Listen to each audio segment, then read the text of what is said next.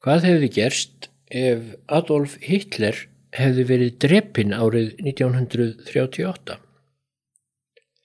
En það hefði sennilega orðið niðurstaðan ef forsættisráð þeirra breyta Neville Chamberlain hefði ekki látið Hitler blekja sig upp úr skónum í munn það ár og heimurinn hefði þá orðið óþekkjanlegur.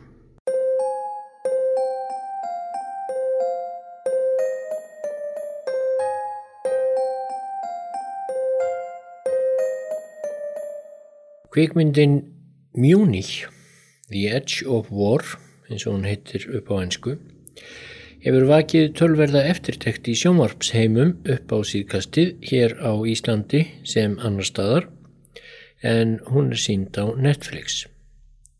Þar er líst fundi nokkura Evrópuleitóga í München haustið 1938 þar sem lagt var á ráðin um morðið á hinnu nýfrjálsaríki Tjekkoslovakíu. Myndin snýst þó ekki síst um þá staðrind að ef leðtógar bretta og frakka hefðu staðið í lappirnar á þessum fundi, neitað að beigja sig fyrir landvinningakröfum Hitlers og fóringi Þýskalands þar á leiðandi hafið innrás í Tjekkoslovakíu, þá voru hátsettir menn innan Þýskahersins tilbúinir til að fremja valdarán, setja Hitler af og eða drepan. Svo sannfærðir voruður um að stríð á þeim tímapunkti væri fegðarflan fyrir Þýskaland. Valdaránið átt að hefjast um leið og Hitler fyrirskipaði innrás í Tjekkoslovakíu. En vegna þess að hann fekk sútita héruðin í Tjekkoslovakíu bara áttulust upp í hendurnar þá kom ekki til þess að fóringin gefi þá skipun um að hefja innrásina og samsærið fjall því um sjálft sig. Skemst er frá því að segja að þessi útgangspunktur myndarinnar er sannleikanum samkvæmur, eins og diggir aðdáendur flækjusögunar vitarveinar. Auk Hans Ósters, hersöðingja, sem mjög kemur við sögu í myndinni, þá voru tveir æðstu menn hersins, Walter von Brauchitsch og Franz Halder, afar volkir fyrir því að styðja valdarán ef stríð væri í rauninni að hefjast. Því stríð vilduður ekki. Og hinn nýrekni fyrrum yfir maður Þíska herráðsins, Ludvík Beck, hann var líka tilbúin að stilla sér upp í fórustu herfóringjastjórnar eftir að Hitler hefði verið hrakin frá. En fyrst Hitler var áfram við völd, þá lippuðust herfóringjarnir niður og sagan helt áfram sína blóðugu slóð. Setni heimstyrjöldin brast á og helförin gegn gýðingum, miljónatugir, létulífið, Þískaland var á endanum lagt í rúst en Sovjetríkin vörpuðu skukka sínum yfir halva Evrópu, kaldastríðið, braust út og svo framvegis. En hvað hefði gerst ef samsæðismennir hefðu látið til skaraskríða höstið 1938 og gómað Hitler? Hefði þá ekki orðið neyn heimstyrjöld, engin gýðingur verið drepin og svo framvegis. Stuttasvarið er nei. Ímislegt hefði vissulega gengið á, en ekkert þó í líkingu við það sem Evrópa og umheimurinn þurftu að þóla fyrst Hitler var ekki fjarlagður. Það er ég sannfærður um. Heimstyrjöldin síðari hefði ekki brotist út með neinum við líka hætti og gerðist í raun í september 1939. Gýðingar hefðu vissulega verið ofsóttir eitthvað áfram í Þýskalandi og jafnvel margir drefnir en þó hverginæri í þeim mæli sem fólst í helförinni sem Hitler var ábyrð á. Heimstyrjöldin var svo alltum líkjandi atbyrður í sögunni og hafði svo viðtækar afleiðingar að það er erfitt að ímynda sér söguna án hennar. En nokkrar skyndimyndir má þó draga fram. Ef herfóringjar hefðu drepið Hitler haustið 1938 er til dæmis næsta víst að borgarastríð hefði brotist út í Þýskalandi. Jafnvel þótt allt hefði gengið upp hjá herfóringjunum og Ludvík Beck orðið þokkarlega óumdeldur ríkistjóri í augum þorra almennings. Þá hefðu ofstækisfylstu nazistatnir aldrei látið það yfir sig ganga.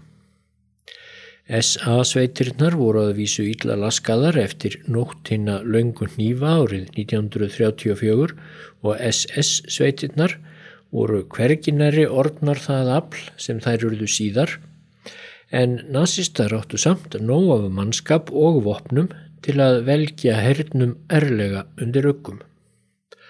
Og hluti hersin sjálfs hefði ég vel neitað að taka þátt í valdaráni Osters, Becks og félaga og gengið til liðs við uppreysnarsveitir SS og nazista.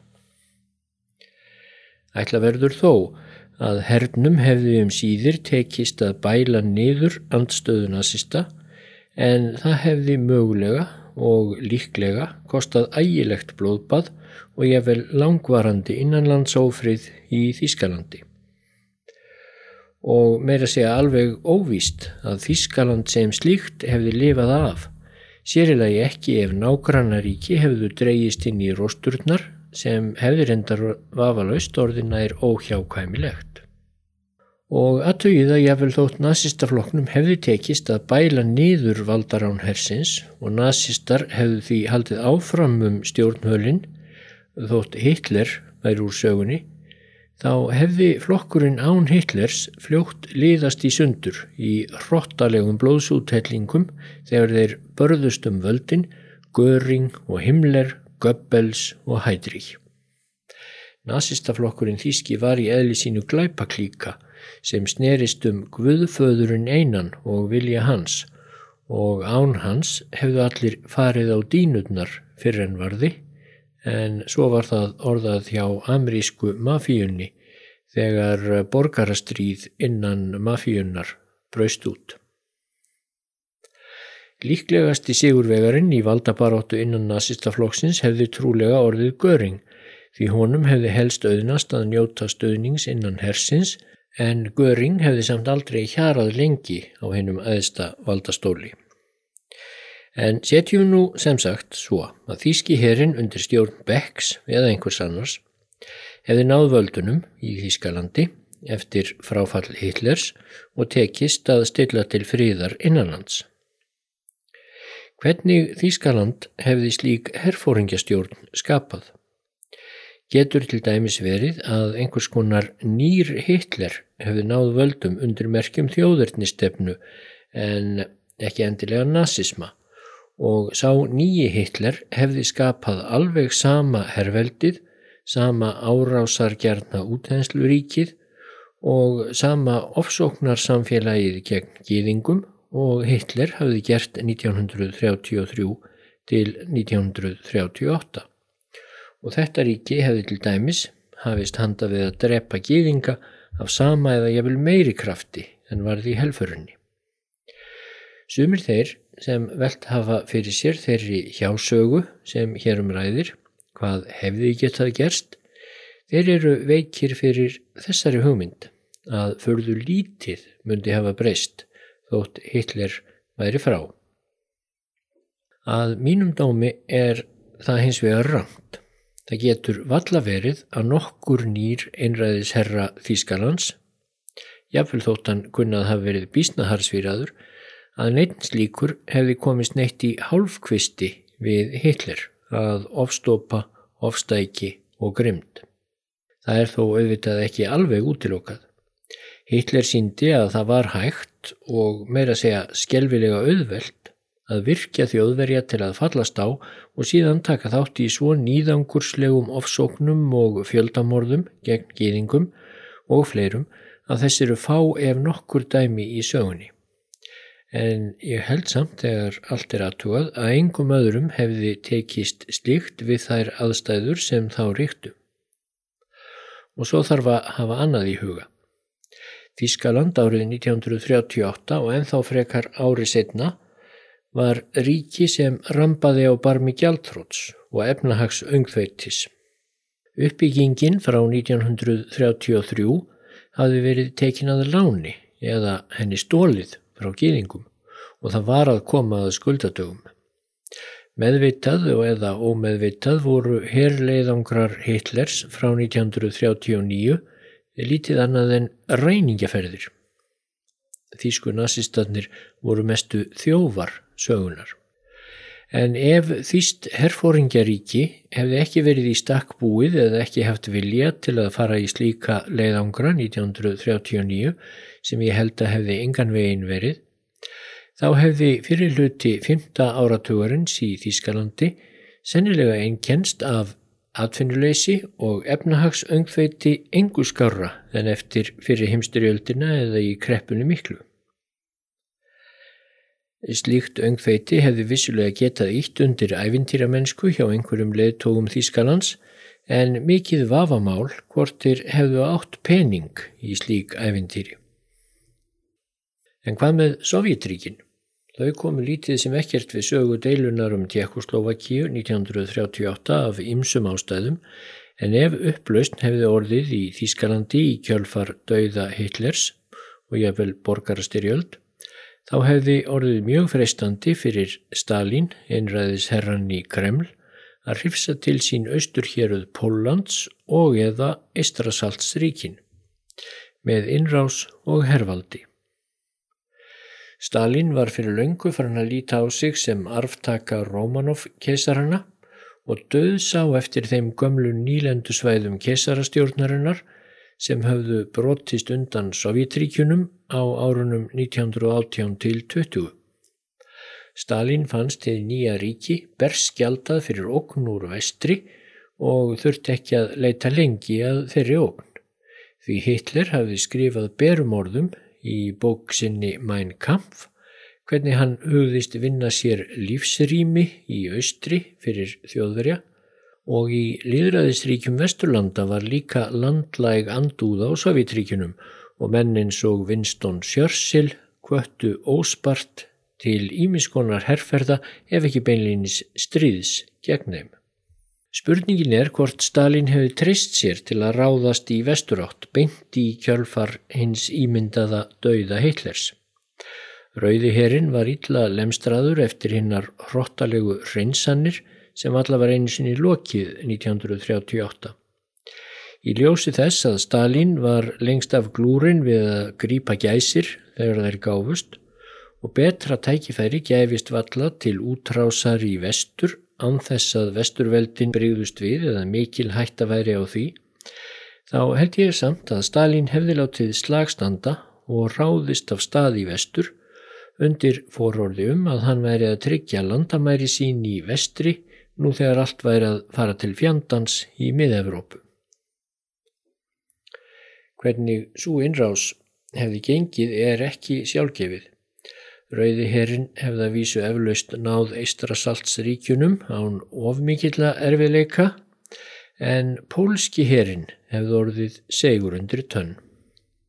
Það voru ekki nema átján ár síðan pólski herin vann óvæntan segur á mun fjölmennari rauðumher á pólsku sléttunum sumarið 1920. En með því að dæla nógu miklum herrabla vestur þá hefði rauði herrin sjálfsagt á endanum knésett þann pólska og lagt undir sig stóran hluta Pólans. Og hefðu vesturveldin látið þessa útþenslu Sovjetríkjana afskipta lausa. Kanski til skamstíma en síðan hefði farið að skapast upplugur þrýstingur á vesturveldin að reyna að knésetja Stalin og rekja Sovjetríkin aftur til síns heima í hinnu eiginlega Rúslandi.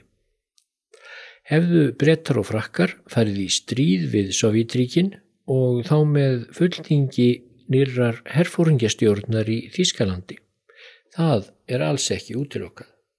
Sú styrjöld hefði orðið hróttaleg en þó kannski ekki alveg eins villimannleg og einráðs Hitlers í Sovjetríkin 1941. Mér finnst þó líklegra að vesturveldin hefur reynd að sætta sig við Sovjetríkin frekar en ráðast á þau. En þá má líka ætla að nýlendu veldi bretta, frakka og fleiri þjóða hefðu skrimti lengur en þau gerðu í raunveruleikanum. Það var jú vegna þess að hinn fornu stórveldi komu svo illa barinn út úr heimstyrjöldinni sem þau urðu að horfast í augu við hrun nýlenduvelda sinna og væri kannski enþá eitthvað að ráði eftir af nýlenduveldi bretta og frakka. Ég held reyndar valla. En hvað með bandaríkin?